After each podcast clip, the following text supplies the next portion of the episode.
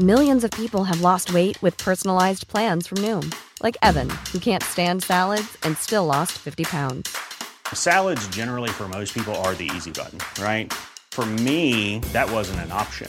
I never really was a salad guy. That's just not who I am. But Noom worked for me. Get your personalized plan today at Noom.com. Real Noom user compensated to provide their story.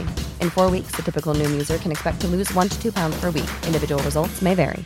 Hey, it's Ryan Reynolds, and I'm here with Keith, co star of my upcoming film, If, only in theaters, May 17th. Do you want to tell people the big news?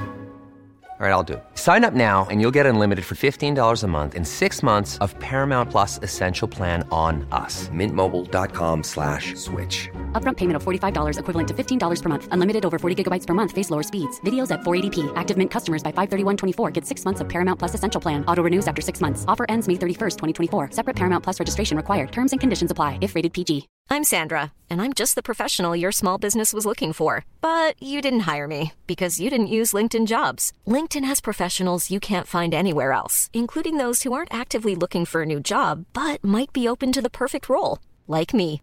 In a given month, over 70% of LinkedIn users don't visit other leading job sites. So if you're not looking on LinkedIn, you'll miss out on great candidates like Sandra. Start hiring professionals like a professional. Post your free job on linkedin.com/people today.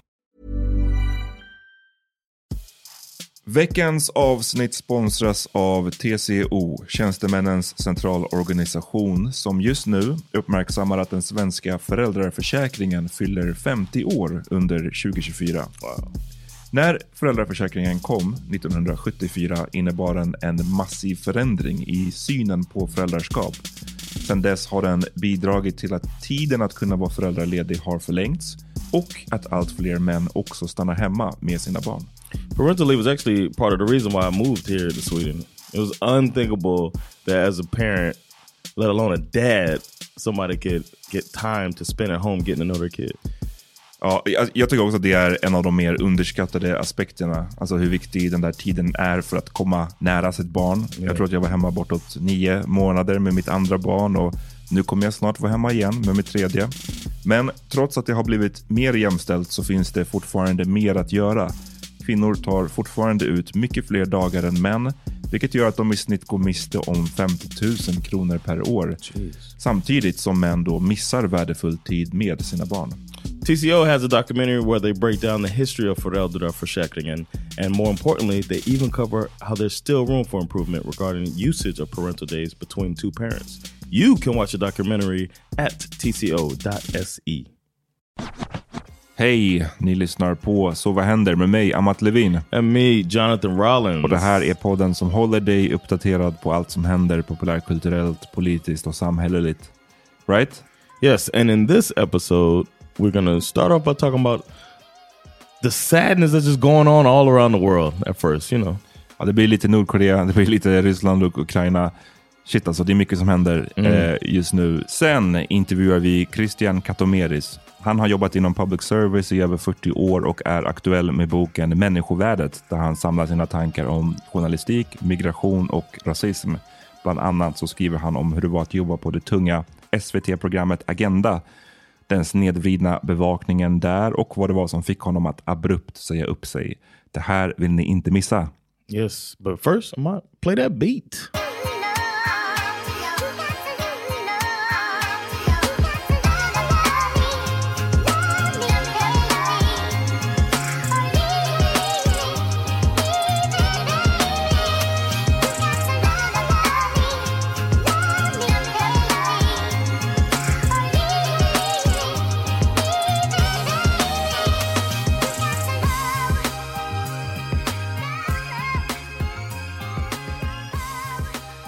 Good, bro. Wow, vad lågt. I'm trying to be sexy. Trying to be sexy? Men, jo, men jag mår bra alltså. Jag kände mig rätt seg igår efter våran eh, tripp hem från Me too, man. Köpenhamn. Det var, vi, hade, vi went at it. Yes, we did. I watched some football and then uh, I did not drink while watching football. Mm. Du behövde återhämta dig. Uh, Men det var inget, jag tror inte att... Alltså, we didn't get like shit faced or anything. nej, nej, alltså det var inte... um, precis, det var inte något sådär fylleslag eller, eller så. Det var bara det att vi... uh, Det, det ackumulerad blev det Mhm. ganska mycket. Så det det plus att vi liksom var out and about nästan hela tiden. Det Yeah. var ju, vad var det, någon dag vi hade 25 000 steg. Hur kändes det John? Var, led du av att behöva gå så mycket som jag tvingade dig att göra? like, man, good thing the soundboard ain't hooked in right now, because I would have some uh, some sounds for you. Ah, okej. no, but it was a great time, uh, and we'll talk more about it in the in the AV, of course. I AV-episoden, precis. Eh, så kolla in där om ni vill höra mer om våran Köpenhamns-tripp. Yeah, Det här avsnittet blir lite mera serious. Som Yeah. vi, ni hörde i vårt intro så kommer vi ha Christian Katomeris som kommer hit eh, Mm. och gästar oss lite senare. thanks. Men nu så är det ju svårt att inte liksom kolla in nyheterna och inte bara se det här fucking trissade, upptrissade läget i världen. I, eh, Bruh, det fortsätter. It never ends. Slutar aldrig. Och ehm, nu har vi två, äh, fan, hur många situationer är det? Det känns som att det är så många pågående samtidigt. Alltså, vi har ju hela tiden Iran som fortfarande pågår. Det Ja. är Tigray som fortfarande pågår. Eh, nu har Nordkorea, vad har de gjort? North Korea is out here testing tactical missiles, nuclear missiles. They said. Ju- their words are they're testing um, as practice for tactical nuclear strikes on South Korea. Nothing to see here. Nothing to see here. We're just testing. Det var precis, när du sa det så tänkte jag bara, antog bara att de, du vet, nordkoreanerna har skjutit någon missil och sen så är det andra personer, alltså experter eller Right. liknande som säger att det här är säkert ett, ett, ett, de övar inför en nuclear strike. Men nu enligt då BBC så, och CNN så är det de själva, nordkoreanerna själva som säger att de, de övar på en nuclear strike mot Sydkorea. Yeah. This is their state media. That's their statement. Imagine that being your statement. No, no, no, no. We're practicing to attack our neighboring country. So, uh, yeah. Anything else? Any other questions in the back? You, you. It's like what? The fuck, man. Alltså det är som sagt väldigt uppskruvat. Samtidigt så har vi ju i Ukraina där Man. det här kriget, det här otroligt onödiga och eh, brutala kriget fortsätter. Alltså jag försöker komma till tänka på hur, vi pra- hur man pratade om det här i början. Så jag, kommer ihåg, jag, jag kommer ihåg dels som minns jag själva upptrappningen när det, det var stora, och, stora stories om hur ryssarna flyttade massa trupper till den ukrainska gränsen. Och så var det jättemycket som, som skrevs och man gjorde poddar om där det var, liksom så här, kommer de faktiskt göra det här eller är det bara en massiv bluff? Liksom? Och klipp till, vad är vi nu, sju månader senare och det bara, det bara fortsätter. Alltså allt det här lidandet, all den här destruction, helt i onödan. För att någon galen person har bestämt att. Exactly. Take him out. Take just take him out, man. It's like it's not. uh, They're in back against the wall type of mode right now. It's almost like I'm starting to think of. Have you heard of the term suicide by cop? Absolut. Men, beskriv, men beskriv det för de som inte vet. Suicide by cop is when um, when you want to die, um, but you don't want to kill yourself, so you go and like attack a police station or something like that to get them to kill you. Du får fem stjärnor som i GTA. exactly. You get the five stars. Next thing you know, the FBI and everybody's after you, and then you're done. You're done. Um, and it feels like maybe that's the mode they're in right now. Russia's just like suicide by American military. varför skulle de vilja suicide? I'm saying it like they know the end game. They know, Yeah. he knows that once he goes too far, the international uh, community is gonna just have no choice but to take him. It's like he's pushing. I don't know. It feels like a suicide by cop thing because obviously, as we see, with you having this this trouble handling this country, that if it comes down to it, it's a L. Han, And it det, sucks, man. det, nej men det vi ser nu och som det strömmar, det är svårt att, så, när ni hör det här så har det säkert hunnit utvecklats ännu mera. Men vi spelar in det här i precis i början av veckan och eh, då har ju ryssarna börjat beskjuta massa, vad det ser ut som, vara civila mål inne runt om i Ukraina, bland annat i Kiev, där livet har kunnat pågå, alltså inte normalt, men alltså det har inte varit så mycket attacker där på sistone. Medans, medan nu har, verkar det som att det har börjat regna ner missiler där igen. Och det är, sipprar fram liksom massa olika videoklipp och bilder på folk som... Alltså det, ser, ju- det är verkligen, de skjuter, är lekplatser liksom. Det är, det är vanliga civila mål som de beskjuter. Och det verkar ju inte bättre än att det är av ren desperation eller till och med ren bara hämnd för eh, de militära förlusterna som ryssarna har haft nu på sistone. Det går ju väldigt dåligt för dem i kriget nu. De förlorar jättemycket mark och så vidare. Nyligen så var det den här viktiga bron som sprängdes som kommer att försvåra för ryssarna att få in förnödenheter och få in, få in liksom, ja, allt man behöver för att kunna hålla kriget igång. Så det verkar som att man bara besvarar det med om vi inte kan besegra er på slagfältet då, då ska vi besegra, försöka besegra er genom att bara skjuta. To free these people, right? Of course, of course. Only to free them. Eh, att they, want. beskjuta civila mål och liksom sätta skräck. Terrorbombningar som vissa menar. And it's like, how do I don't get it? I know it's state media and all that stuff, but I don't know how you can. How can you still hide it? Like, you know what I mean? Ja, men det är väl en av de grejerna som är de, det konstigaste med allt det här. är att Det ver- verkar som att ryssarna och Putin, det han vill är ju att annektera Ukraina. Och det, var, det var ju det han hävdade från början också. Att det här med Ukraina är egentligen Really hard to save these people. är ju ryskt och vi ska ta över den här och ni ska Ja. bli en del av, av Ryssland. Men då, fatt, då ska, han ö, ska, han ta ö, ska han ödelägga landet för att sen ta över det. Och bara, jag vann. Det, men det är mycket som man har, det har man ju fått lära sig genom det här kriget, om man inte hade redan lärt sig det innan. att Det är svårt att se på Putins agerande så här logiskt. Alltså man kan nog inte Ja. se det logiskt, för att han verkar vara spritt språngande. Liksom.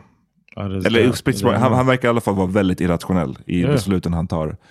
Eh, och vilket också är det som gör honom gör det extra läskigt. Liksom. För att en logisk person skulle väl vid det här laget försöka ta varje... Försöka hit, anstränga sig så mycket det går för att försöka hitta ett sätt att dra sig ur det här. Yeah. Men om man är irrationell som han, då kanske man bara gör andra saker. Som till exempel de här terrorbombningarna nu. hoping that he's like uh steps down. You know what I mean? They make him step down. That's one way I can see it, where they're just like, "Listen, man, you step down, and you know, then you stay alive, type of thing, Mm. or stay out of jail, but you need to step down." Who's gonna do it though?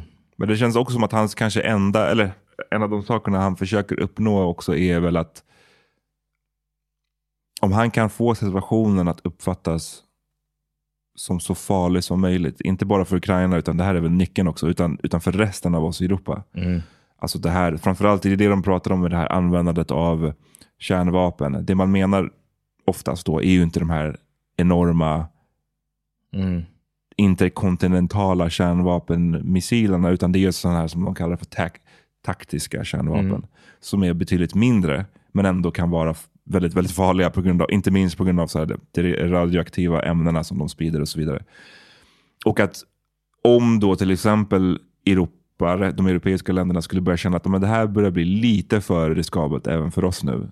Då kanske man istället då väljer att sätta press på Ukraina för att kan inte ni ge med er då? Alltså inte att hela landet skulle gå Ja, med på att bli ryskt, men att så här, de här vissa områdena kan inte ni ge mer, ge dem till ryssarna så bara vi får slut på allt. Det kanske är, det, det kanske är något sånt där han, han, eh, han hoppas på att uppnå genom Mm. de här, så här skräckbombningarna. Men Man, are you like part psychopath? Like you can kind of relate to, him? om jag var Putin så, nej, inte alls. Men, Devil's advocate. Inte alls. Det är bara, det är bara jag vet inte. Fan, det, det, är jävla, det är konstigt att man är med om det här just nu. Man är med. Men alltså, Yeah. vi är ju verkligen inte ens We're drabbade av det här. Men att vi shit. ser det. Well, uh, something else that we lived through is some uh, some uh, critique about the way that uh, media covers um, immigrants in this country, and uh, it was great to um, sit down with Christian. How do you say his last name? Katomeris. Christian Catomedes. Som har jobbat i, i vadå, över fyra decennier inom public service. Ja. Och har en del att säga om hur det funkar där. Och det här är viktigt tror jag. Jag tror att kanske kan man ibland tro att liksom journalistik, om när det uppstår konflikter om så här, arbetssätt eller hur man bedriver journalistik, att det är någon slags intern angelägenhet. Att det är så här, ah, men det var då, det är väl bara lite tjafs på jobbet. Men det man måste då hålla såklart i åtanke är ju att journalistik är ju en, den här det är ju så himla, en så viktig del av ett så här välfungerande samhälle, att ha en bra journalistik. Och att journalisternas jobb är ju, som vi vet, förhoppningsvis allihopa, att eh, granska makten. Men att journalister själva besitter en hel del makt. Och det man måste göra då är att se till att journalisterna gör sitt arbete på ett korrekt sätt. Att de journalisterna inte blir vridna åt ett visst eller ett annat håll. Eh, och sådär. Och det är väl lite sånt som Christian Katomeres har eh, kritiserat inom public service. Vilket big surprise, reaktionerna på det har inte, de har inte tagit till sig det jättemycket kanske man kan säga. Yes. Men det ska ni få lyssna på nu på andra sidan om den här reklampausen. A lot can happen in the next three years. Like a chatbot may be your new best friend. But what won't change? Needing health insurance. United Healthcare Tri Term Medical Plans are available for these changing times. Underwritten by Golden Rule Insurance Company, they offer budget friendly, flexible coverage for people who are in between jobs or missed open enrollment. The plans last nearly three years in some states, with access to a nationwide network of doctors and hospitals. So, for whatever tomorrow brings, United Healthcare Tri Term Medical Plans may be for you. Learn more at uh1.com. Millions of people have lost weight with personalized plans from Noom, like Evan, who can't stand salads and still lost 50 pounds. Salads, generally, for most people, are the easy button, right? For me, that wasn't an option. I never really was a salad guy. That's just not who I am. But Noom worked for me. Get your personalized plan today at Noom.com. Real Noom user compensated to provide their story. In four weeks, the typical Noom user can expect to lose one to two pounds per week. Individual results may vary. Hey, it's Ryan Reynolds, and I'm here with Keith, co star of my upcoming film, If, only in theaters, May 17th. Do you want to tell people the big news? All right, I'll do. it. Sign up now and you'll get unlimited for $15 a month in six months of Paramount Plus Essential Plan on us. Mintmobile.com slash switch. Upfront payment of $45 equivalent to $15 per month. Unlimited over 40 gigabytes per month. Face lower speeds. Videos at 480p. Active Mint customers by 531.24 get six months of Paramount Plus Essential Plan. Auto renews after six months. Offer ends May 31st, 2024. Separate Paramount Plus registration required. Terms and conditions apply if rated PG.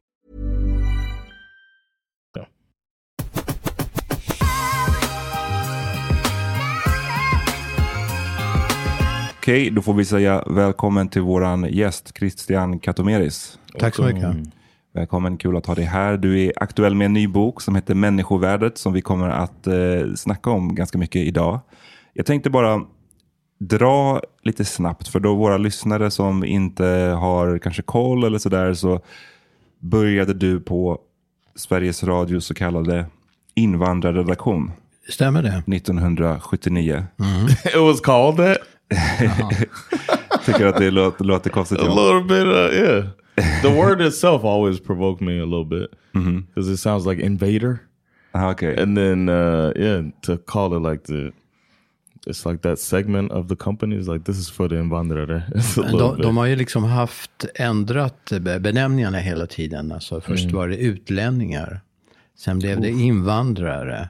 Och nu pratar man ju ofta om migranter. Alltså det, Okej. de har olika karaktär. Sen finns det ju också de negativa benämningarna också. Så att det, det, det är som det är konjunkturer i, eh, i språket.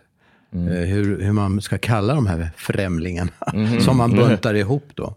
Men när du började 1979, då var det inte någonting konstigt att det hette invandrarredaktionen, eller?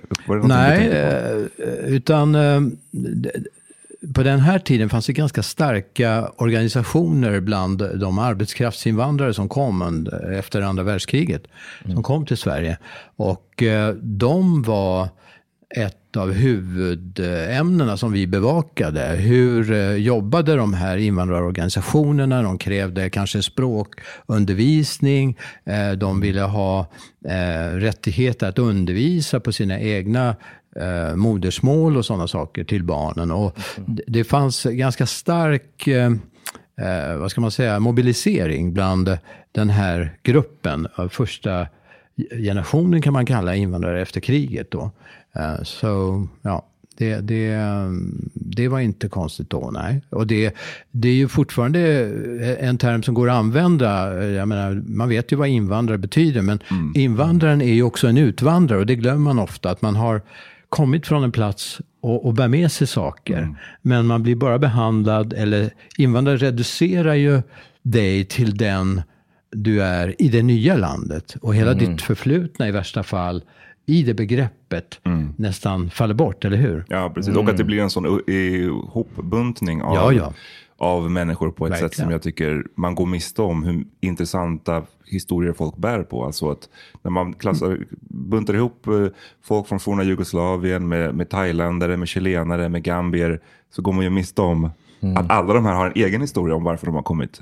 Men det var ju också så jag växte upp i en, i en svensk eh, förort eh, där eh, min pappa med mörkt hår, med brytning och eh, med släktingar i, i Medelhavet.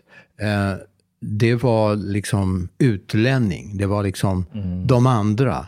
Eh, så det var väl tidigt också en, en identitet man blev eh, liksom inföst i, en slags just kollektiv identitet. Och man kan säga att den här boken vi ska prata om, den handlar om att försöka bryta sig ut ur det här. Att försöka då hitta den punkt där man kan eh, se vårat människovärde, min pappas människovärde, eller eh, våra barns och barnbarns och så vidare. Mm. Och för de som inte vet, var kommer din pappa ifrån? Min pappa var barn till invandrare. Han är född i Frankrike. Hans pappa utvandrade från Grekland. Hans mamma från Italien. Så de var, så att säga, på grund av fattigdom, eh, söka jobb, så utvandrade de till Frankrike. Och pappa, eh, på grund av kriget och på grund av att de var fattiga, kunde inte leva kvar och hitta jobb efter kriget. Så han, när han träffade min mamma som var svenska, så sökte han sig till Sverige och började jobba här på en fabrik. Och du växte upp i Bagarmossen, eller hur? Det stämmer bra det. Det är inte långt ifrån Farsta där jag växte upp. Ehm, och hur, hur var det då? Jag menar nu för tiden när man ta- pratar om liksom invandrare så tänker man att folk som kommer ifrån någonstans i Europa utmålas ju sällan som problemet längre. Men Nej. så var det väl inte Nej, på den verkligen. tiden? Nej, jag, jag, det, och det är det, det, det är svårt att fatta när man ser mig. Eh, så smälter jag in väldigt väl i, i den här eh, svenska bilden. Jag har ju en svensk morfar, en, en svensk mamma som visserligen är mörkhårig, men ändå. Eh, så man förstår inte att jag bär på också den här de här människorna som är som, är som pappa, eh, som är som min farmor eller min farfar, att jag bär med mig dem inom mig. Och när man då har ibland pratat med mig om de här, du vet de där utlänningarna, eller de här sydlänningarna hette det mycket på den tiden. Eh, och jag vet att det, det blev konstig gemenskap. Pappa hade en vän som var en, en svart amerikansk musiker och han hade en vän eh, som var från Turkiet som var och alla de tre i Bagarmossen i, då, i den här förorten på något sätt hade sökt sig till varandra. Så våra familjer umgicks lite grann. Eh, pappa spelade lite gitarr i början också eh, ute på krogar. Så det var så han träffade Bill eh, Houston som var musiker då som hade kommit hit från en, en amerikansk tror jag, militärmusiker eh, från USA. Men du beskriver i, bo, i något kapitel i boken hur du och en annan person som också kunde liksom smälta in trots att den hade den här bakgrunden, eh, Mikael Alonso, eh, som spioner. Vi, kall, vi, vi kallade oss spioner på det här sättet att eh, vi, vi passerade, om ni hör mig prata, passerar som den här eh, medelsvensk, kan funka ganska bra i svenska sammanhang. Men att vi får höra saker som till exempel min bror som är mörkhårig eller min syster som är mörkhårig inte fick höra. För man satt i, i i bastun kanske och sa ja de där sydlänningarna ja, och, och så etc. Alltså negativa saker. Och på det sättet blev jag en spion. Men jag har också kallat mig, som i det första kapitlet eh, som handlar om journalistik, eller första delen, så kallar jag mig för en deltagande observatör. Och jag tror att vi alla som har eh, en blandad kultur, eh, inte bara en, en svensk kultur, vi blir vare sig vi vill eller inte deltagande observatörer. Det vill säga vi deltar ju i det svenska livet. Men vi ser det också ibland utifrån. Från det perspektiv som är eh, det andra vi bär med oss. Eller hur? Eh, så att det har präglat mitt liv väldigt mycket. Att jag, jag växlar mycket i de här olika eh, Eh, delarna. Och till detta ska man lägga in att mina föräldrar skick, skickade in mig till stan för att gå i en fransk skola. För de var rädda för att det var en problemförort när jag växte upp. Eh, jag antar att det bidrog i alla fall. Och pappa var ju född i Frankrike. Så jag skickades till en fransk skola. Så jag fick också den, det perspektivet från, vad ska man säga, den franska republikanska eh, perspektivet. Lite uppstudsiga kanske. Eh, men också med eh, en, käns en, ett, en, en stark känsla för bildning, för kultur. Eh, som eh, jag inte hade riktigt hemma. Och det var fantastiskt för mig att få upptäcka. Eh, tack vare också engagerade lärare som jag hade. Wow. So wh- when um, whenever you get were confronted with this as the spy or as the ob- ob- observational person, uh, did you uh, what what tactics did you use? What tactics? Alltså, under lång tid... Eh, jag, jag, när jag var tonåring, som man ofta har identitetsfrågor, väldigt starka, så fick jag hela tiden känslan, ja men bestäm dig vad är du egentligen? Är du svensk eller inte? Och eh, jag var liksom lite sliten kanske under ett par, tre år. Till och med ett tag ville jag heta som mamma som heter Karlsson. Så jag bad pappa att byta namn. Och han, han sa, jag kommer aldrig på fråga. Så, Eh, så att det var liksom bara ge upp. Eh, Men sen ganska tidigt så började jag känna stolthet och kärlek eh, till till exempel mina, mina släktingar i Grekland som var väldigt fattiga men otroligt generösa. Och jag fick uppleva sådär som många invandrarbarn får, somrar där, där man har allt det bästa. På somrarna så har de tid, de vill skämma bort den för att man är där bara en gång om året. Sen om jag skulle leva där hela livet kanske inte skulle alls vara lika kul. Men för oss, så när man är barn, på sommaren så får man allt det bästa. Och det där började spela roll.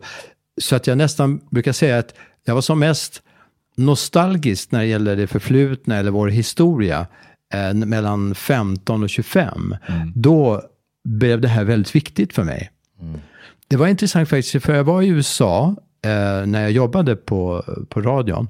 För att försöka förstå lite grann. Jag intresserade mig för just vad händer eh, med, eh, med liksom barnen till, till de som kommit till Sverige. Vad händer i andra, tredje generationen? Hur, hur förhåller man sig till sin kultur? Och där berättade de för mig då, jag träffade forskare, författare, andra från, med italiensk, grekisk bakgrund framförallt. Eh, som berättar för mig att ja, första generationen den gör allt för att överleva liksom, och bara kämpar.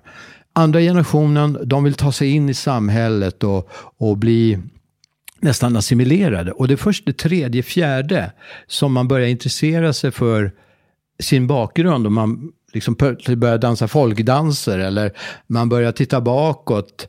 Och det här stämmer ju inte alltid idag, men det är intressant ändå som eh, att det finns sådana här eh, generationsväxlingar när man blir intresserad. Så jag har alltid varit väldigt starkt intresserad av eh, mina förfäders historia, alltså den exilens berättelser eh, om just varför gav man sig iväg? Hur klarade man av det? Eh, hur mådde man? Alltså psykologiskt. Eh, också, ja, så att det där har varit en drivkraft hos mig att ta reda på saker, att läsa forskning, att läsa litteratur och, och sådär. Så att jag, det har varit ett starkt intresse. Och då, den där frågan du ställde mig, jag, den strategi jag valde så småningom, att, att hitta vänner som jag kände mig trygg med. Och då, vilka var de? Jo, det var de som hade lite samma blandade bakgrund. Eh, jag brukar säga svenskar med ett fönster öppet. Alltså, man har också det perspektivet eh, från att vad det innebär att, att bära på kanske mer än en kultur. Men det här som du beskriver också med ditt intresse för din eh, liksom, familjs, ja, hur de utvandrade och, och så vidare. Det är någonting som jag tycker får väldigt lite. Det är sällan man, man lägger fokus på den biten. Alltså invandrare, det pratas sällan om vad det innebär att behöva lämna sitt hemland. Att folk, anledningar till att, varför folk gör det. Det är ju en hel, liksom, det är en hel värld som man bär med sig. Det är det som är så spännande. att eh, Till exempel som afroamerikan, du bär med dig en hel historia, eller hur? Mm-hmm. Yes. Du bär med dig ett förflutet som är jättestort och som man börjar lära sig mer och mer om. Just för att tredje, fjärde generationen, barnbarnen till slavarna och så vidare, börjar lära sig mer och ta reda på mer och vill berätta mer, eller hur? Mm, ja. Och, och det här, om man ser hur stort det här är, det är fascinerande. Och jag berättar ju en gång, och jag är som är intresserad av historia i allmänhet, som samtidshistoria, eh, föreslog på, på mitt, det program jag jobbade, eh, Aktuellt, eh, en gång att eh, vi borde göra no någonting på Black Lives Matter. Därför det är en sån historiskt intressant eh, rörelse, eh, precis som metoo. Uh, och eh, jag möttes av eh, en stor gäspning. Mm. Eh, för att det var människor som inte har själva varken utsatts för ja, fördomar, diskriminering eller kanske eh, varit med om att, ta, att finnas i, vara i minoritet helt enkelt. Och, Var, förlåt. ja, nej, fortsätt. Ja, men jag, jag var nyfiken på vad det här, minns om det här var innan eller efter George Floyd och 2020? För därefter Nej, det var ju efteråt. Ja, det, var, till och med ganska efteråt. sent. Ja, eh. det, då är, det är ännu mer Så att det var verkligen, de borde, det borde ha sjunkit in, för det Verkligen. var ju en stor diskussion. Och det var som jag tyckte var intressant, att det, det här rörelsen förgrenade sig även till barnen i Europa. Ja. Alltså att, eh, att vi kan koppla ihop det här om vi gör ett svenskt program och berätta om det. Hur både det i USA, jag, för mig slog det mig väldigt starkt, för mina barn eh, spelar basket. Och eh, på varenda basketmatch så var det liksom BLM, eh, Black Lives ja, ja. Matter. Eh, och, och då förstod jag liksom, man förstår hur starkt det här har gått igenom i kulturen. Eh, för det var ju dessutom eh, basketspelare som, som var vita också som deltog i det här och, och de be, beslutsfattarna som också inte hade bakgrund i eh, afroamerikansk bakgrund. Did you see what happened when? Um, did you see when I went on television on? Uh, was it Agenda? Det kan ha Nej. I was Nej, on nej, uh, nej. Agenda, um, and they were gonna. They wanted me to talk about my feelings about the George Floyd situation. Det var Okej. strax därefter, eller hur? Strax Yeah. efter det hade hänt. Okej. And um, I had been personally, I had seen, a, I've seen so many of these types of things that I was purposely avoiding the actual footage. So I hadn't watched it. Du vill And- inte se det? No, not at all. And then the show um, began, and they opened basically by showing Oh. him. And I, on TV here, I broke down, started crying. I left the stage, and uh, I felt like the they asked me if I wanted to remove it, but I felt like it was important for like Swedish people to see like this is this really affects people. Like this is a real moment to see someone who's really affected by it. Alltså, Uh, jag- and it jag- was just such a you know what I mean like a a blind spot for them to even show me that on TV like that. Nej, men jag, när du berättar igen så mår jag fortfarande dåligt över det jag såg. Och jag klarar inte av att se det en gång till för att det, det är så otäckt. Och sen att det bär på så mycket annat än bara den händelsen. Det bär ju på alla de andra människorna som, som gick igenom samma saker, gjort, gjort det gång på gång. Du nämnde i början av den här, eller att ditt, eh, början av boken behandlar ju ganska mycket liksom din, din senare delen av din karriär. Eh, Du, efter att du hade anställts där 79 så jobbade du ju i ja, vadå, dryga 40 år. Programledare, producent, redaktör, reporter, allt just det. möjligt. Eh, Men 2020 så var du anställd på just Agenda. Eh, Och det var under en partiledardebatt där man skulle diskutera ett antal olika ämnen eller problem. Eh, och varje del då skulle personifieras av en så här, påhittad person med ett fiktivt namn. Och för varje ämne så var det svenska namn, men när det kom till kriminalitet så var det Hassan som Agenda valde som namn. Och eh, kort därefter så sa ju du upp dig. Eh, vilket skapade stora rubriker. Och sen så jag minns att du, du sa i, när du kommenterade det här att det här kanske var den utlösande faktorn, men det var inte den enda. Det var inte bara det här som fick dig att säga upp dig. Nej, och, och just då ville jag smälta det här. För att det, det var som en kalldusch på något sätt. Jag hade sett hur man förberedde de här, eh, eh, det här partiledarutfrågningen. Men jag hade inte hört det här att man ville sätta ett namn. Och det var inte så bara att man man ville sätta ett namn. Man ville också att eh, partiledarna hela tiden skulle adressera den här personen, Hassan. Och då var det, jag vet inte vilka eh, partiledare det var, men sa, ja, som, och så till Hassan vill jag säga, Hassan, Hassan, och ett, att välja ett muslimskt namn, att inte förstå att det kan vara stigmatiserande när alla andra ämnen väljer man då klassiska svenska benämningar.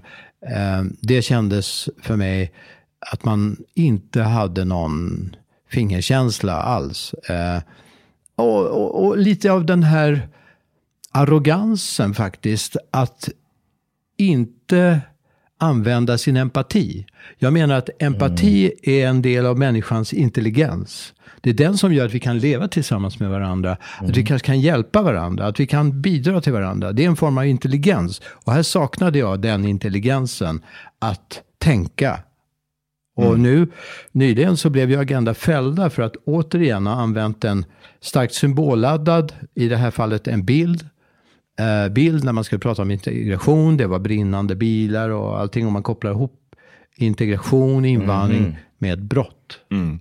Ja, och det där, det där tycker jag är återkommande, tyvärr inte bara inom liksom, public service. Jag, jag har tagit upp det förut på vår podd, men när jag var med också där 2020 och pratade en hel del om Black Lives Matter på, ja, i radio och tv och sådär, vilket jag gjorde för att jag hade skrivit om den här rörelsen flera år innan dess.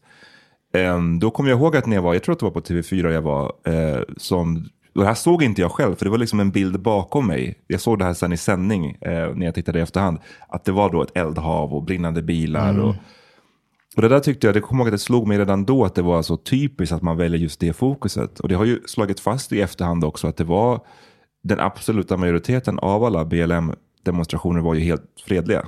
Det var en, en, en liten andel där det spårade ur. Och så väljer man då att fokusera så ensidigt på just det. Det tycker jag är symptomatiskt på något sätt för det här problemet. Jo, att man på, på något sätt inte förstår djupet i en sån rörelse. Att man fastnar just vid det här eh, klichéerna om, om eh, våld och, och så vidare som sker en annan gång, men inte förstår eh, det är liksom, eh, man, man, man, eh, gitarrer har ju liksom någon slags eh, resonanslåda, så man hör resonansen. Eh, men eh, det är samma sak med historien. Liksom, vi har en stor låda av resonans. Och man måste höra var det här kommer ifrån, den här tonen. Eh, och det är lite det som jag saknar. Så att man är tondöv på något sätt. Eh, Men du var ju en ganska kort period ändå på Agenda. Det var ett år, ja. Ett år. Um, och, så hur var det för dig? För jag menar, uppenbarligen så var det här inte den enda situationen. Var, jag uppfattade det som att du å ena sidan um, slogs av liksom hur politiskt kunniga de var. Samtidigt som du stötte på flera av den här typen av situationer. Ja, jag reagerade ganska snabbt och började till slut anteckna. Det, var, det kunde vara till exempel att eh, det pågick utanför vårt fönster någon slags eh, manifestation av, av eh, musik, tror jag det var, för flyktingar. Och, och när folk pratade om det så, äh, det, det är väl något politiskt korrekt, sa man, så här lite nedlåtande. Och plötsligt så har saker som har just med empati, som jag nämnde tidigare, saker som har att göra med eh, de som är utsatta i samhället, eh, eller i livet. Eh, det är någonting som man kan liksom vifta bort på något sätt, som något eh, partiskt, någonting negativt. Och jag upplevde mer och mer hur sånt som tidigare då, eh, människorätten, som efter andra världskriget så kom ju många demokratiska stater överens om vissa grundläggande värderingar eh, kring, som bygger på också alla människors eh, lika värde, som också finns i public service, eh, eh liksom stadgar, eh, eh, eh, att vi ska bygga på, eh, på, på de principerna. Och det började beskrivas av mina kollegor, vissa av dem i alla fall, som någonting nästan politiskt. Att, att ja, men då är man ju vänster och tillhör, medan i början efter andra världskriget så var det här självklara saker i alla demokratier, att vi skulle komma överens om det, skapa författningar, eh, konventioner som man kan komma överens om.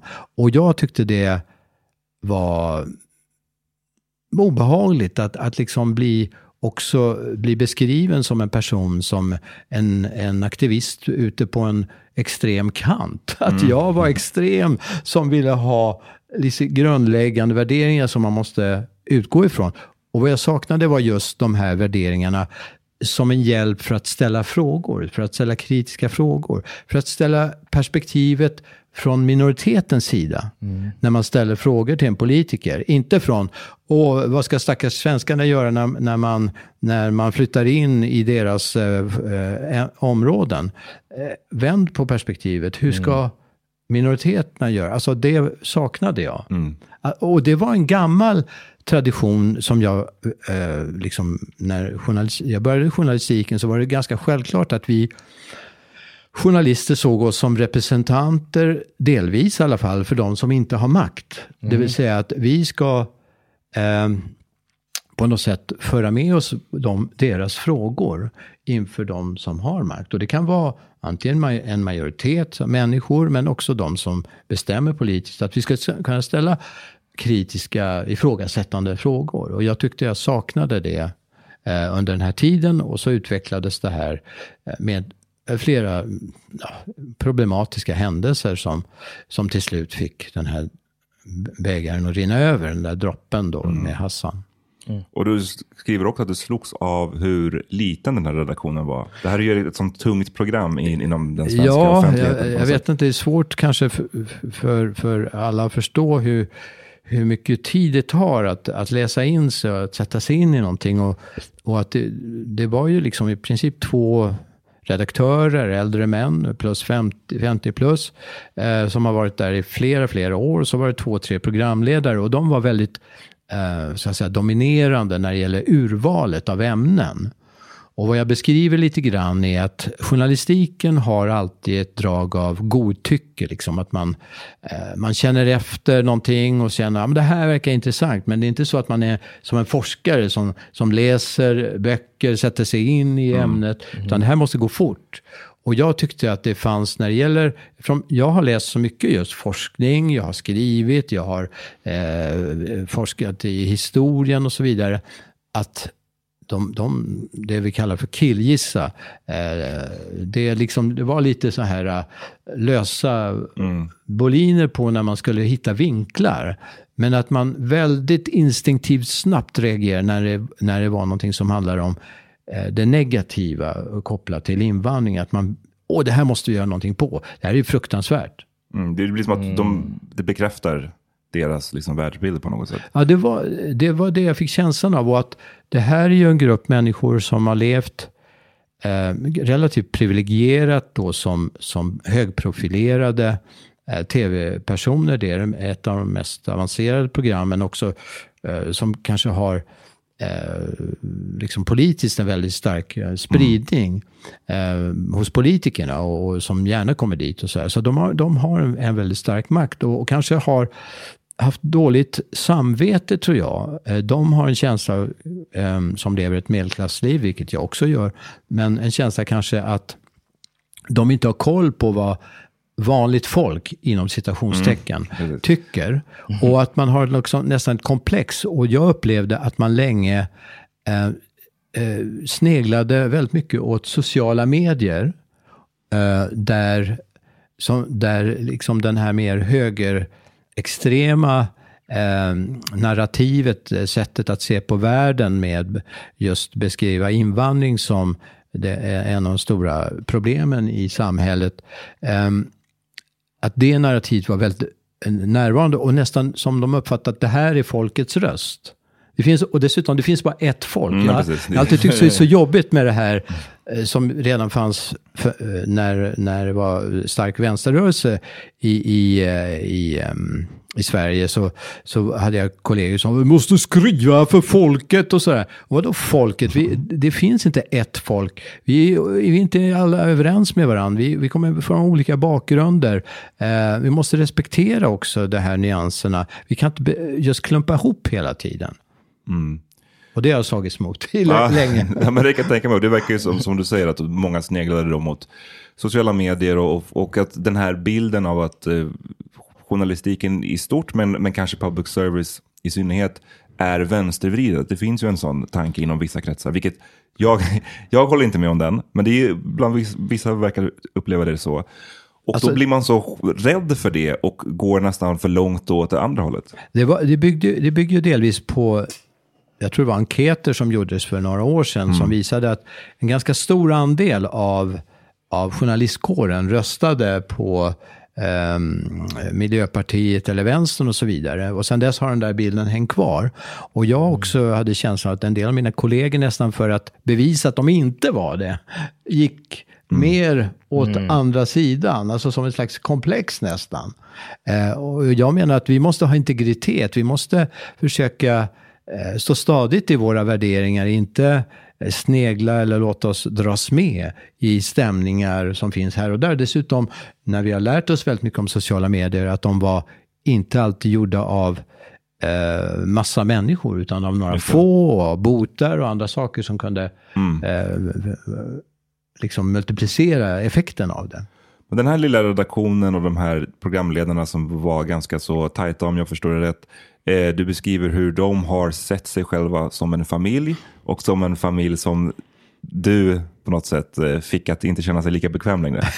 ja. är, det är det en rättvis beskrivning? Ja, och, och, och jag måste säga att jag blev chockad. Det var i alla fall så här. Det, fanns, det var, en, det var ett, ett rån som skedde ett, eh, med förnedringsinslag där rånarna hade verkligen förnedrat de två unga eh, Eh, pojkar som blev rånade, tonåringar. Och tonåringarna, föröva, var också, förövarna var också tonåringar. Och det blev jäkla rabalder i tidningarna, lite grann med undertoner om att här är det eh, ungdomar med invandrarbakgrund som förnedrar eh, helsvenska ungdomar. Och, och Agenda följde upp det här naturligtvis. Man tyckte att det här var jätteviktigt. Och, och, och drev någon slags, eh, eller fick, fick röster där som hävdade att det här var sant. Att det, det finns en, ett inslag av, av förnedringsrån. Och jag började kolla eh, det här och hittade inga belägg utan tvärtom att de som oftast utsatts eh, för rån är inte infödda svenskar utan det var, eh, det var personer som bor i, i miljonprogramsområden och sådana saker. Och, och jag skrev ett mejl till nyhetsredaktionen som också hade behandlat det här och till Agenda, eh, ett internmejl så att säga, där jag skrev och berättade med källorna att det här inte stämde. Och det blev ett jättebråk på min redaktion där de eh, kastade sig på mig eh, och skällde ut mig och sa att jag hade förstört eh, eh, för redaktionen eh, när, när jag skriver så här till andra. Och jag har eh, lämnat ut programledaren, vilket jag, jag hade inte ens nämnt hans namn, men jag sa att man borde ha ställt kritiska frågor och förberett sig bättre. Eh, vilket också faller tillbaka på andra personer som redaktörer och researchers och så. Men i alla fall så, eh, jag, eh, själva eh, min kritik togs aldrig upp, utan problemet var att jag hade eh, nämnt det. Och jag sa också, det är kanske därför det blev så känsligt, att jag sa att eh, risken med det här är att man stigmatiserar människor och att det leder till diskriminering.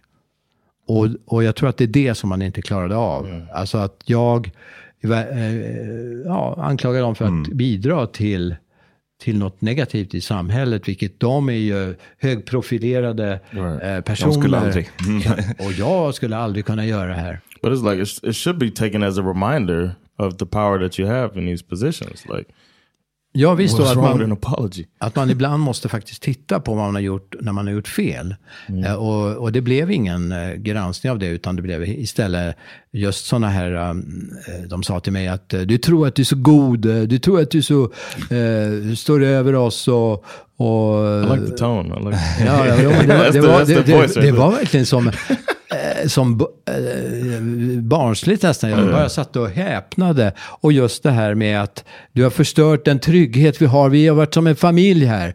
Och jag sa, jag sa till dem, för mig, ni får ursäkta mig, men jag tror inte en politisk redaktion ska vara som en familj. Vi måste ha olika inputs här. Vi, vi måste ha olika åsikter här. För annars vore det, det är jättefarligt om vi börjar tänka på samma sätt allihopa här. Mm. Ja, vad, vad- är egentligen poängen med tre programledare som alla tänker likadant? exactly. Alltså, ja. Men, det, men det, det som jag tycker är slående med den här, det som du beskriver och hur du bemöttes då, är ju att då är du också någon som har dryga 40 års erfarenhet. Du är ju en veteran i sammanhanget. Du har väl en, en väl etablerad position vid det här laget.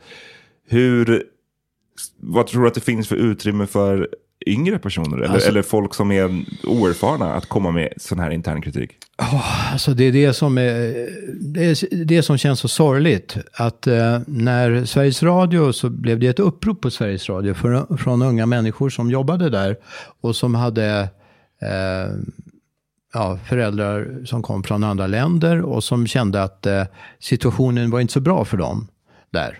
De, Vems SR är det du tänker på va? eh, s- Vad sa du? Vems SR? Ja, just det. Ja. Vems SR hette den, det uppropet. Och det blev en otroligt hård, eh, liksom, ett, ett svar. Alltså det var nästan som det blev yrkesförbud. De människorna som hade pratat om rasism skulle inte få jobba med frågor om rasism eh, längre som journalister och sådana saker. Så det var liksom husbondens röst. Det var liksom, man skulle ge, eh, det var verkligen eh, någon slags nästan kolonialherrarna säger till infödingen att nu får ni vara tysta. Och, ja, verkligen Damn, obehagligt. och jag, jag har försökt att stötta dem. Vi startade en, en grupp inom SVT där vi eh, med hjälp av eh, Svenska Journalistförbundet eh, gjorde enkäter, intervjuer där folk fick berätta, också personer med, med eh, eh, rötter utanför Sverige, alltså anställda, fick berätta hur det var på SVT. Och den lämnade vi över till vår ledning som betedde sig mycket bättre. Eh, sen vet jag inte vad de gör av det, men de hade absolut inte den här repressiva Vad tror du det beror på, politiken. skillnaden där? Ja, de, de var smartare, intelligentare helt enkelt. Ja, men det, det är så enkelt. Alltså, de förstår att börjar vi bråka här och, och sätta oss på dem, då är det risk att de anklagar oss för att vi är rasister. Eller vi... Men vad jag, för att återkomma till din fråga. Det är jättetufft att vara ensam eh, eh, ung människa idag i journalistiken i största allmänhet. Det är jättehög konkurrens. Eh, eh, arbetsledarna vill att man ska vara eh, strömlinjeformade. Jag brukar ta ett exempel. Jag säger, när, jag, när jag växte upp var bilarna alla olika. Jag kunde gissa när jag låg hemma och var sjuk vilka bilar det var som körde utanför genom att lyssna på ljudet. För de lät alla olika. Eh, idag så bygger man bilarna så lika som möjligt eh, varandra. De ska liksom ha minsta luftmotstånd och allting. Och, och lite grann har det blivit samma sak på arbetsmarknaden. Att vi hade på radion väldigt många udda typer som gjorde udda program. Idag ska man passa in i mönster. Det är liksom en del av hur arbetsmarknaden utvecklas och därför blir det väldigt svårt för en ung människa idag att ställa sig upp. Och när man dessutom utanför samhället saknar politisk makt. Alltså, eh, om vi säger då att, att eh, det, man anklagar invandringen och invandrare för att vara ett problem. Så invandrarna har ju ingen politisk makt, eller hur? Eh, och det var, det var lite... Ah, va- varför fanns Malcolm X? Jo, det var ju just den, här känslan av att utan politisk makt, att sätta sig gå till, samman, så kan man inte åstadkomma förändringar. Då, då är man liksom utsatt hela tiden. Eh, och så vidare. Så att i Sverige finns det heller kanske ingen grund för att skapa en sån där politisk makt. Men det skapar en väldigt svår eh, situation. Och jag fick luta mig mot att jag var en uppskattad medarbetare som har en etablerad situation. Men alltid också har sett det som en stolthet och ära att våga säga ifrån. När jag inte tycker det är okej. Och i det här med vems SR, där kommer jag ihåg, för jag skrev lite själv om det här när det skedde. Och det verkade som att det som verkligen gjorde ledningen där upprörd var ju det här som de hävdade att vems SR, de som gjorde det här upproret, kom, att de ville ha mätbara mål. Alltså det var där det på något sätt skavde som allra mest. Eh, mätbara mål vad gäller hur många med invandrarbakgrund och så vidare som skulle jobba. Eh, men liksom, sen så i, boken så jämför du ju med kvinnorörelsen som Absolut. alltid har förlitat sig på mätbara mål. Alltså det Exakt. är svårt att eh, göra framsteg om vi inte får mäta vad det är Ja. vi ska göra framsteg på så att säga. Ja. Alltså, tror du att... Jag, jag, jag vill bara säga att eh, när, när jag började intressera mig för det här och vi, vi, på 90-talet när situationen var lite lik dagen när det, eh, det kom eh, liksom en ganska stark nazistisk rörelse, det var Bevara Sverige svenskt som på skolgården och så vidare. Då, då gick vi samman ganska många och försökte förstå hur, hur kan man tackla det här. Och då var en av de saker man lärde sig av kvinnorörelsen eh, att det var eh, dels att eh, man måste ha mätbara mål som du säger. Men sen måste man ha pengar för att kunna förändra.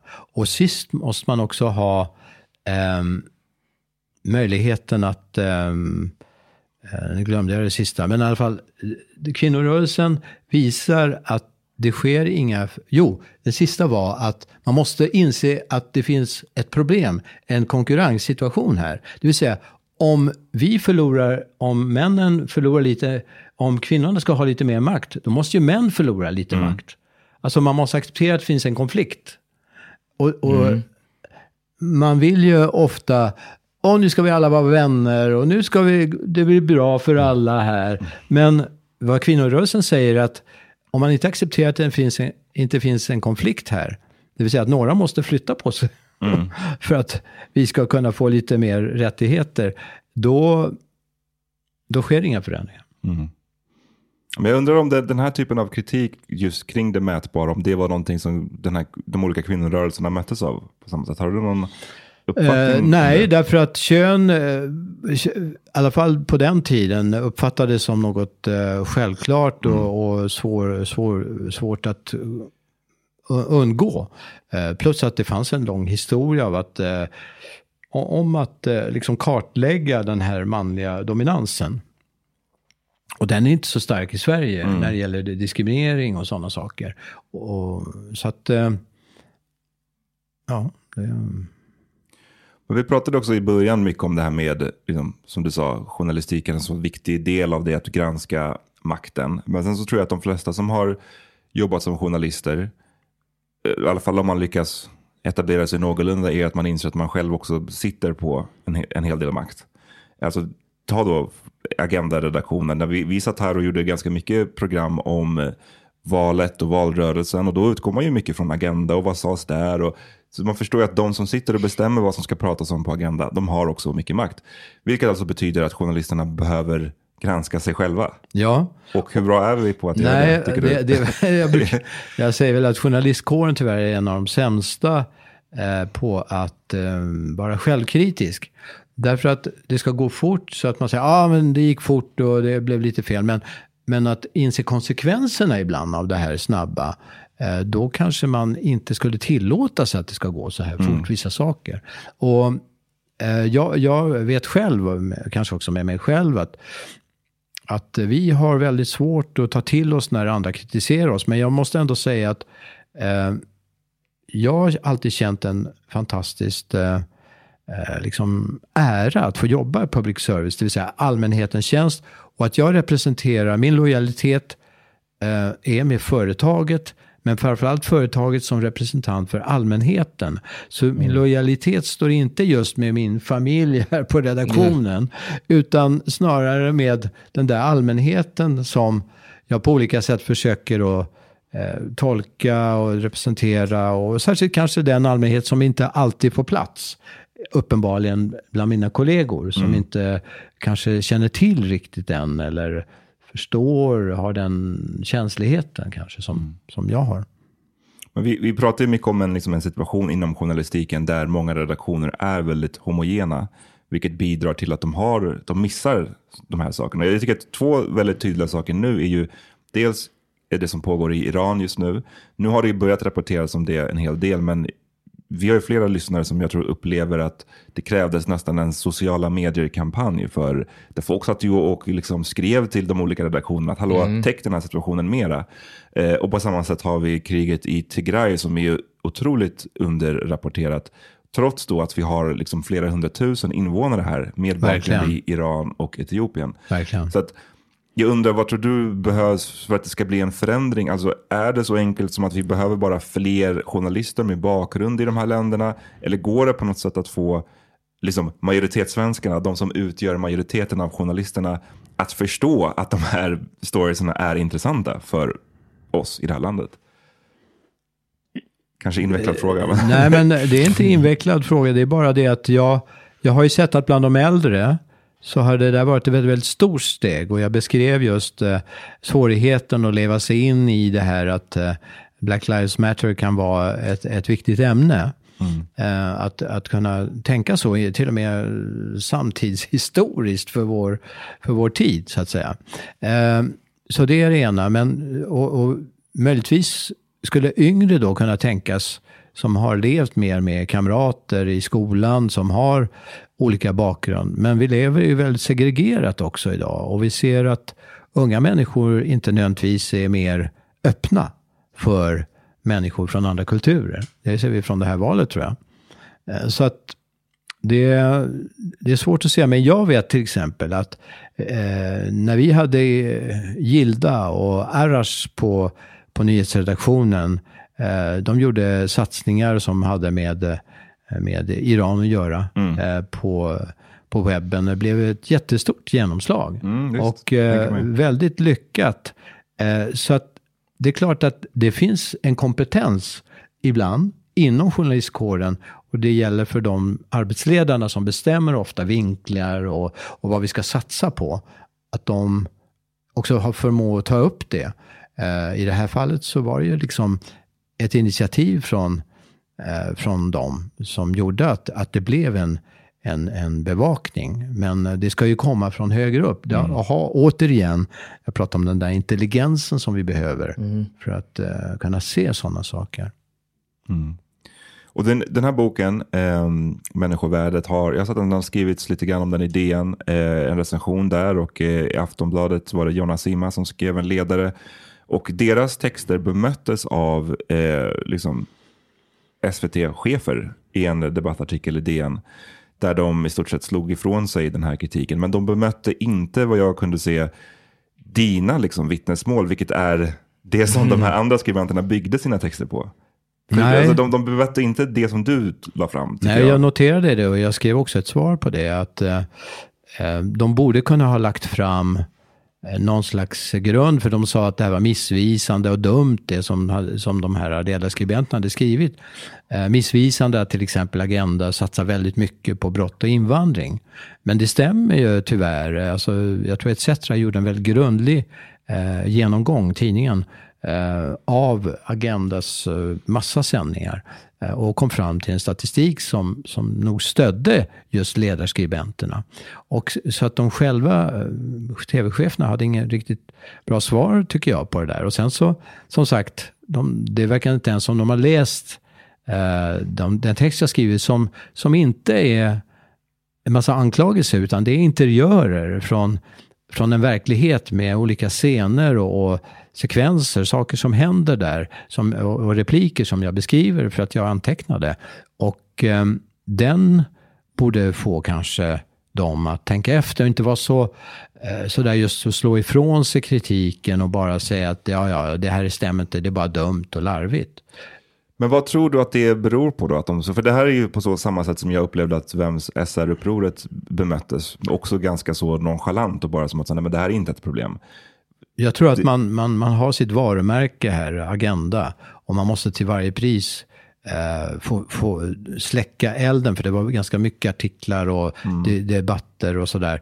Eh, också sociala medier började skriva om det här kapitlet som jag har skrivit om Agenda. Eh, att man ville liksom tysta ner det här genom att bara låtsas som att eh, det, har inte, det, det här är inget, det är bara lögn allting, eller det stämmer inte. Tyvärr är det så. Det är också så företag eh, reagerar i största allmänhet när det är greenwashing, ni vet, och alla de här eh, sakerna som, som finns. Så att det, det är en slags eh, strategi som vi känner igen från, från näringslivet. Mm. John, du skakade på huvudet. Blir du chockad? Jag, jag har ju- också, liksom, jobbar ju också som journalist, som journalist, men du gör ju inte det. Blir du, No. blir du skrämd av hur, I was just den like, här what the bilden? hell, man? Like, uh, it just um, it feels like, and I've said this before. Like, it feels like there's like no PR team or something like that. Like the the strategies that they take is just so obviously bad. I don't understand. Like the the thing I would try to do is to look empathetic, as you're talking about empathy.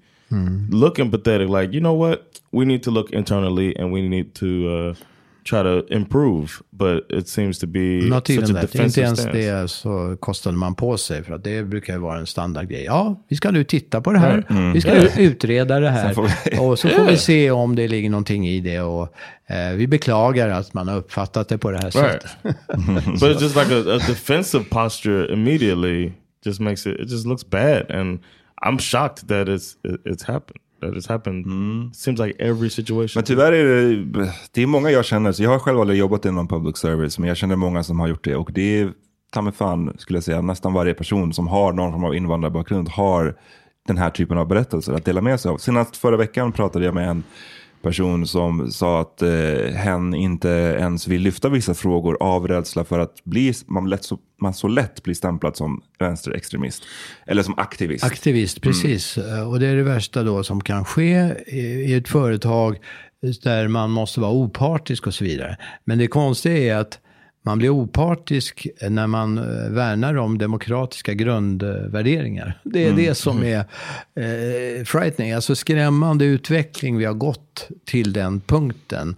Det här med woke och allting, alltså det vill säga att det, det blir någon slags beskrivning av, män, eh, av eh, människor som någonting man kan liksom putta åt sidan för de är inte trovärdiga och så vidare.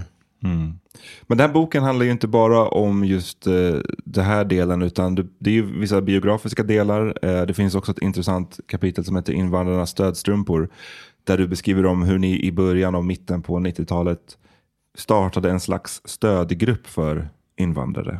Vad var tanken med det? 90-talet var ju för, för de som var med en, en ganska tuff tid om man hade eh, invandrarbakgrund. För att det blev en, splittring på skolgårdarna redan. Alltså det var eh, vikingarock, musik, det var eh, dekaler med Bevara Sverige svenskt, det var skinheads och det var nazister. Fick ju ganska starkt genomslag, alltså ganska extre, extrema eh, rörelser. Man attackerade flyktingförläggningar, det var hundratals, Sverige var det land där det var flest attacker mot flyktingförläggningar. Det kom ett nytt parti som hette då Ny Demokrati som jobbade lite grann som Sverigedemokraterna light eh, mot invandring. Och sen så hade vi ju Lasermannen.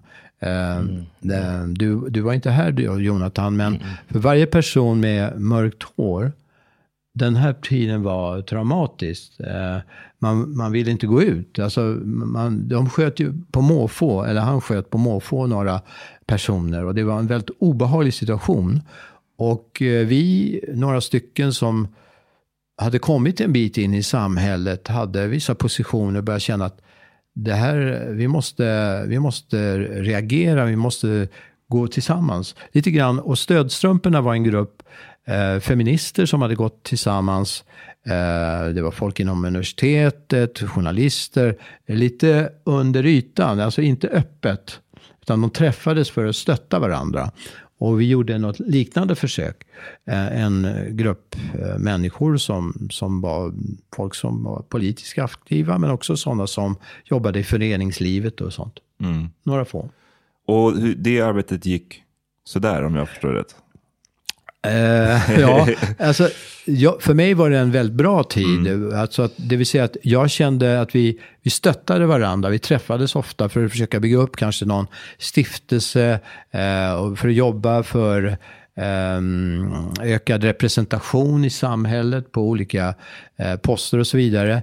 Men det fanns en, några politiker där och för mig som inte kommer från det politiska livet och är lite främmande också för de här maktstriderna som finns där, så blev det lite utslagsgivande att, att eh, eh kampen för att få inflytande för, för det partiet eller den strömningen mot det andra, att det till slut havererar lite grann, att det liksom eh, faller ihop. Eh, och vi jobbade något drygt år med det här, eh, träffades regelbundet. Det var eh, folk som så småningom blev riksdagsledamöter också, var med där. Eh, men det blev inte annat än att vi, kanske det man kunde ha kvar från det här var att vi hade ändå blivit känt oss starkare som individer och kunnat driva också fram frågor. Efter det här så, eh, jag blev inspirerad, jag startade en tidskrift eh, som jag kallade för kreol mångkulturell tidskrift. Jag eh, började forska om historien om, om eh, om eh, eh, synen på, på främlingar i Sverige genom historien från medeltiden fram till idag och skrev en bok om det här. Så att man kan få inspiration av varandra trots att man inte lyckas skapa en slags, eh, eh vad ska man säga, institutionaliserad mm. form av, av aktion. Eh, men det är klart att vi började titta på sånt, eh, i alla fall jag och min kompis Mikael Alonso som då, jobbade med, med ehm, med ehm, ja, antirasism. Ehm, vi började titta på Malcolm X, på hur man på olika sätt, eh, kvinnorörelsen hade jobbat för emancipation, för att få möjlighet att verka i samhället. Och det kan låta konstigt, kanske du tycker Jonathan, att vi uh, unga personer med rötter i, i Europa uh, börjar titta på, på så. Men det var ändå ja, uh, på den tiden något som, som var väldigt, eh, gav oss väldigt mycket. Mm. Ja, men det var det är precis, just att organisationen inte kanske gick som det skulle, men att ni blev stärkta allihopa mm. i processen. Mm. mm.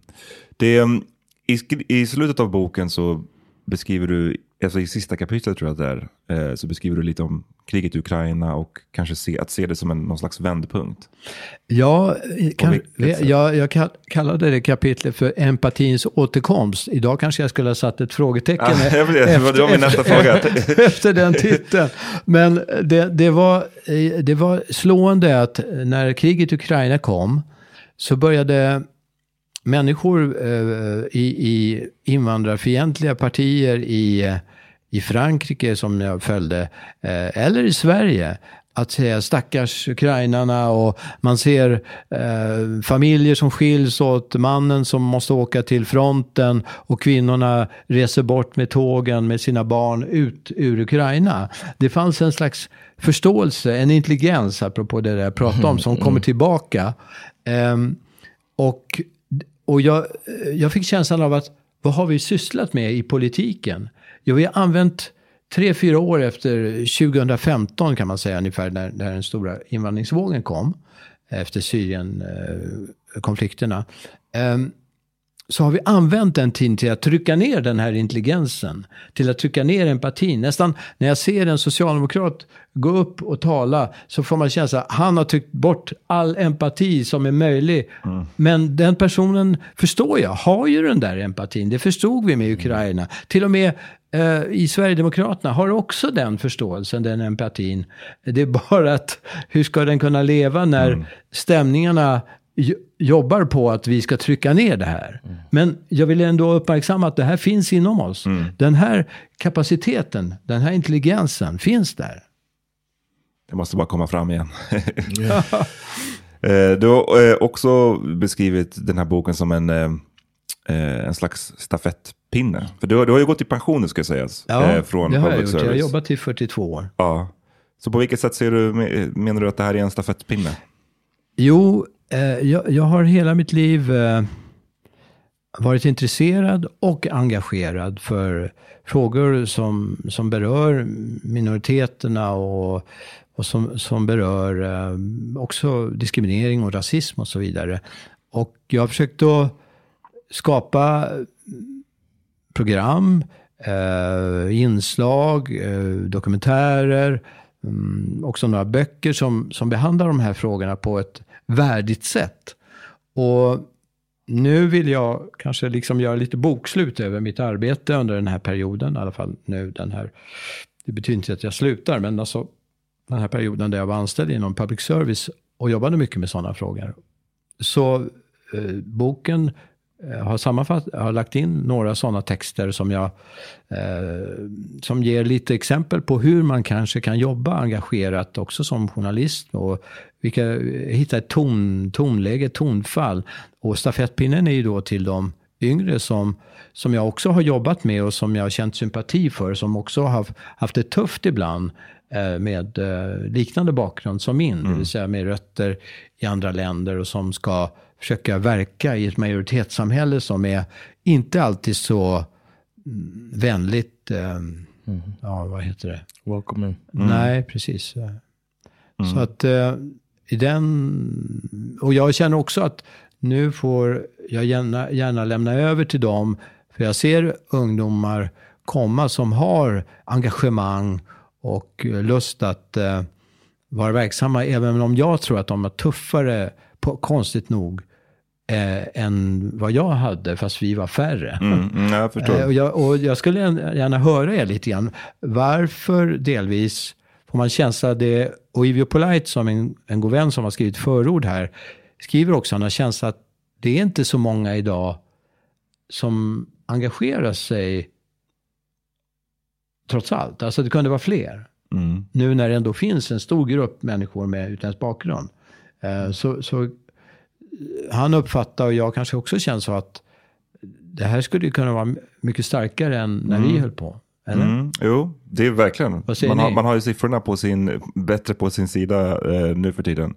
Men ja, det är en väldigt bra fråga faktiskt. Jag undrar om det hänger ihop med hur utsatt man kan känna sig när man försöker bli engagerad. Alltså att är man en journalist till exempel, bara för att ta det som ett exempel, och skriver viss typ av texter, då vet man vad du kommer att, få, vad, vad du kommer att mötas av. Och det är ännu värre om du är då icke-vit och ännu, ännu värre om du är en icke-vit Man blir klassad. kvinna. Liksom. Man blir klassad. Ja, det blir, och, och liksom är Eller hot får och hamna i ett Som, fack som man inte kan få... precis, och jag tror att många drar sig från det. Jag har sett flera som kanske i början var ganska så engagerade. Alltså, ja, sa vad de tyckte, var väldigt tydliga, var out there och sådär. Och sen så när de har fått möta det de har fått mött så har de valt att ta en, liksom, en position, kanske som, inte på frontlinjen så att säga. Ehm, det tror jag i alla fall kan vara en, en aspekt av det. Att man blir... Du, du har ju i och för sig i boken själv beskrivit när du levde under hot och så vidare. Eh, men, men, men, så det har ju alltid, måste ju alltid ha varit en aspekt. Men jag tänker att man idag i och med sociala medier så är det så jäkla många som kan nå dig på något Yep. sätt. Du har rätt. That's what I Yeah. was gonna say. It's so much easier to just Ja, get like make somebody's day horrible. You got so much more access to them. det är rätt. Och det, det, det tänker jag ofta på. Att ehm, jag hade inte fixat det här och vara ute på sociala medier, vara verksam där med den enorm, det enorma tryck som kan uppstå, för att inte säga liksom hat och hot och sådana saker för den som eh, brinner för de här frågorna, vill engagera sig och så vidare.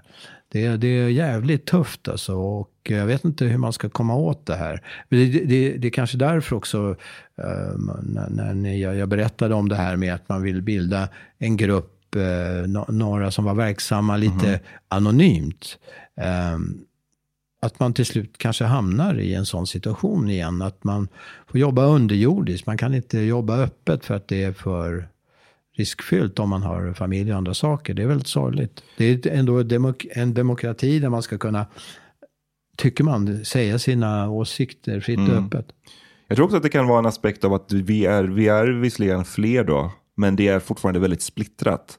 Eh, och det tyckte jag man kunde urskilja i din, din beskrivning av invandrarnas stödstrumpor. Att som du sa, det var de här politikerna där, det fanns vissa som hade lite olika uppfattningar om, alltså ni förstod, ni var överens om problemet, men hur ska vi lösa problemet? Där fanns det väldigt skilda uppfattningar. Och det tycker jag är, jag var, jag var faktiskt själv, det här är nu säkert tio år sedan, på ett möte, det här kapitlet du skrev påminde mig lite om det här mötet som jag gick på. För då var vi ungefär 30 personer, det var, alla hade invandrarbakgrund. Jag tror faktiskt Oivi var med där också. Och det var allt från politiker till artister till skribenter och så vidare. Och där det var någon form av ambition om att starta någon form av liksom, grupp som skulle verka. Men så, redan på första mötet så märkte jag ju hur otroligt skilda uppfattningar folk hade. Jag vet inte varför just den här frågan kom upp, men den kom upp väldigt tidigt. Eh, Och det handlade om huruvida våld skulle anses vara en legitim försvarsmedel så att säga. Och jag tyckte det var en så konstigt att den, den kom upp som kanske den tredje frågan. Eh, men där, och där så fanns det såklart väldigt skilda uppfattningar. Och då kände jag redan då att det här, just den här konstellationen kommer nog inte lyckas. Eh, och, men sen har vi någonting du och jag, John, har diskuterat mycket i den här podden. att Många då som har kanske invandrarbakgrund, som kanske värnar mycket om just det här som du har beskrivit, de här demokratiska eh, grundvärderingarna. Att det finns, och man har en tendens att vara så jäkla hårda med den interna kritiken. Eh, Alltså att om man tittar då på typ en ung vänster har, tycker jag, hela tiden en tendens att splittra sig själv. Alltså man är väldigt hård mot den egna gruppen om man inte använder prickrätt uttryck eller hängde med. Ja, förstår du? Det beskriver också faktiskt eh, beskriver man också inom kvinnorörelsen. Jag läste just en bok av Yvonne Hirdman som är historiker, var med i, i den här första. Och hon, hon beskriver hur hon själv kommer på sig med att hela tiden kritisera andra kvinnor. Mm, istället för att eh, ägna sig åt eh, kanske mer männen då, kommer nästan bättre ut. Mm. Men det är just för att hon känner, ja men de står ju så nära mig och vi, vi, måste, vi måste komma rätt ut med det här. Vi kan inte splittra oss, men hon bidrar själv, inser hon, till den här splittringen. Eh, ja, det, det, det, det är en fara naturligtvis, men det är också att man kommer nära varandra. Man har starka ideal, man kanske har starka drivkrafter och en, en, en stark eh, övertygelse eh, om vart man vill. Och vi, ja, när vi försökte bilda den här gruppen så var jag och Mikael var väl nog mer ungdomligt radikala medan som äldre som hade kommit hit som första generationen invandrare var mer försiktiga och ville med en försoningsfull attityd. Medan vi ville liksom provocera och kon- konfrontation. Och Mikael Alonso kom ju från punken eh, som var en rörelse som eh, verkligen var, ville säga vad man tyckte. Mm, mm. Ja, men jag tycker stafettpinne är väl en jättebra beskrivning av boken. Vi har många unga lyssnare eh, som jag verkligen tycker borde kolla in den här boken. För att det som jag tycker, jag som också då är intresserad av historia rent generellt, jag tycker att kanske unga inte alltid är jättebra på att liksom, ha koll på det som har så att säga varit. Att man har väldigt mycket att lära av det som andra har gjort tidigare. Och här kan man ju då se att vissa av de här frågorna som man fortfarande kämpar med i Sverige finns det folk som har kämpat med jäkligt länge. Och det finns mycket att lära av både av det som gick bra och det som gick mindre bra. Ehm, så jag kan verkligen rekommendera den. Ehm, Människovärdet, det finns ute nu, eller hur? I alla butiker. Den finns ute, Den finns ute. det stämmer. Mm. Det, och det, det gör det, absolut. Ja. Och så får vi tacka dig då, Christian, att du ville komma hit och prata. Tack eh, Amat, tack Jonathan. Hi, I'm Daniel, founder of Pretty Litter. Did you know cats tend to hide symptoms of sickness and pain? I learned this the hard way after losing my cat, Gingy. So I created Pretty Litter, a health monitoring litter that helps detect early signs of illness by changing colors, saving you money and potentially your cat's life. Pretty Litter is veterinarian developed, and it's the easiest way to keep tabs on your fur baby's health right at home. Go to prettylitter.com and use code ACAST for 20% off your first order and a free cat toy. Terms and conditions apply. See site for details. Imagine the softest sheets you've ever felt. Now imagine them getting even softer over time. That's what you'll feel with Bowl and Branch's organic cotton sheets. In a recent customer survey, 96% replied that Bowl and Branch sheets get softer with every wash. Start getting your best night's sleep in these sheets that get softer and softer for years to come. Try their sheets with a 30-night guarantee. Plus, get 15% off your first order at bowlandbranch.com. Code BUTTERY. Exclusions apply. See site for details. Planning for your next trip? Elevate your travel style with Quince. Quince has all the jet setting essentials you'll want for your next getaway, like European linen, premium luggage options, buttery soft Italian leather bags, and so much more. And is all priced at 50 to 80% less than similar brands. Plus, Quince only works with factories that use safe and ethical manufacturing practices. Pack your bags with high-quality essentials you'll be wearing for vacations to come with Quince. Go to quince.com slash pack for free shipping and 365-day returns.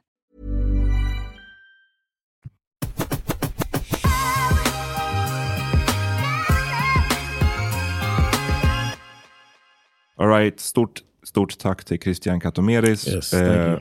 läs hans bok, hörni. Eh, vad, vad kände, alltså för, dig, för mig John, så var mycket av det här han skriver, det är såklart skitvärdefullt. Alltså, all, all, i, jag vill verkligen lägga, sätta fokus på det också. Att det, inte, det handlar inte bara om den här SVT Agenda-boken, utan det är verkligen en, som han, som han var inne på, det täcker ju stora delar av hans karriär, 40-åriga karriär som journalist. Så det finns massa liksom, intressanta delar här. Men många av de här, den här kritiken som han lyfter är sånt som jag själv under mina år som journalist också har stött på. Så för mig är det väldigt stor igenkänning. Men för dig som utomstående, blir du förvånad av det han beskriver eller är det som att, eller kände du så här, Ja. ah, det här var, jag, jag misstänkte att det var så, eller vad, vad kände du? No, I um I kind of felt it a little bit, but just hearing him break it down the way he does, and the fact that he worked so hard for so long and didn't seem to get the the re- desired results um over all of that time is kind of surprising. But then again, with what I know so far after my nine years of living here, um, I feel like it just feels like in general, Sweden drank the Kool-Aid when it comes to the opinion of um, Swedish society as this uh, socialist uh, utopia. Utopia. Mm. And um, I feel like uh, that's been, whenever that's questioned, then people uh, balk at it. Mm. And um, I think uh, I wouldn't, I wouldn't expect the public service sector to be one that bought in so much to it. Men man tänker ju, han nämnde ju det här med att eh, de vill skydda sitt personliga, alltså person, sitt varumärke, Mm. Agendas varumärke. Och jag tycker bara det är intressant att sättet man gör det på då är bara att helt enkelt slå ifrån sig all kritik. Att bara säga, Right. nej men det, det, här stämmer inte, det kan inte stämma. Alltså ett annat sätt att försvara sin, sitt varumärke skulle ju vara att, att här, ta, ta kritiken på väldigt stort allvar och Mm. säga att här är en veteran som har jobbat på vår redaktion som upplever det så här. Det kanske tyder på någonting. Kanske är det värt att undersöka. Det tycker jag är ett sätt att verkligen ta sitt varumärke på stort allvar. Att se till att det här stora och viktiga programmet är så bra som det skulle kunna vara. Ja. Men istället så väljer man att bara så sticka huvudet under sanden och låtsas som, som ingenting. Vilket var det som också de som gjorde det här Vems SR-upproret tyvärr möttes av. Mm. Att deras upplevelser, nej det kan inte stämma. Yeah. Do better alltså.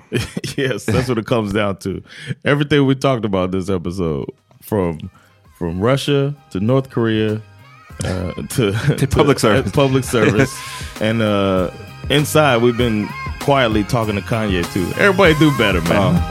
Even hörs. you, Yuzi. Peace.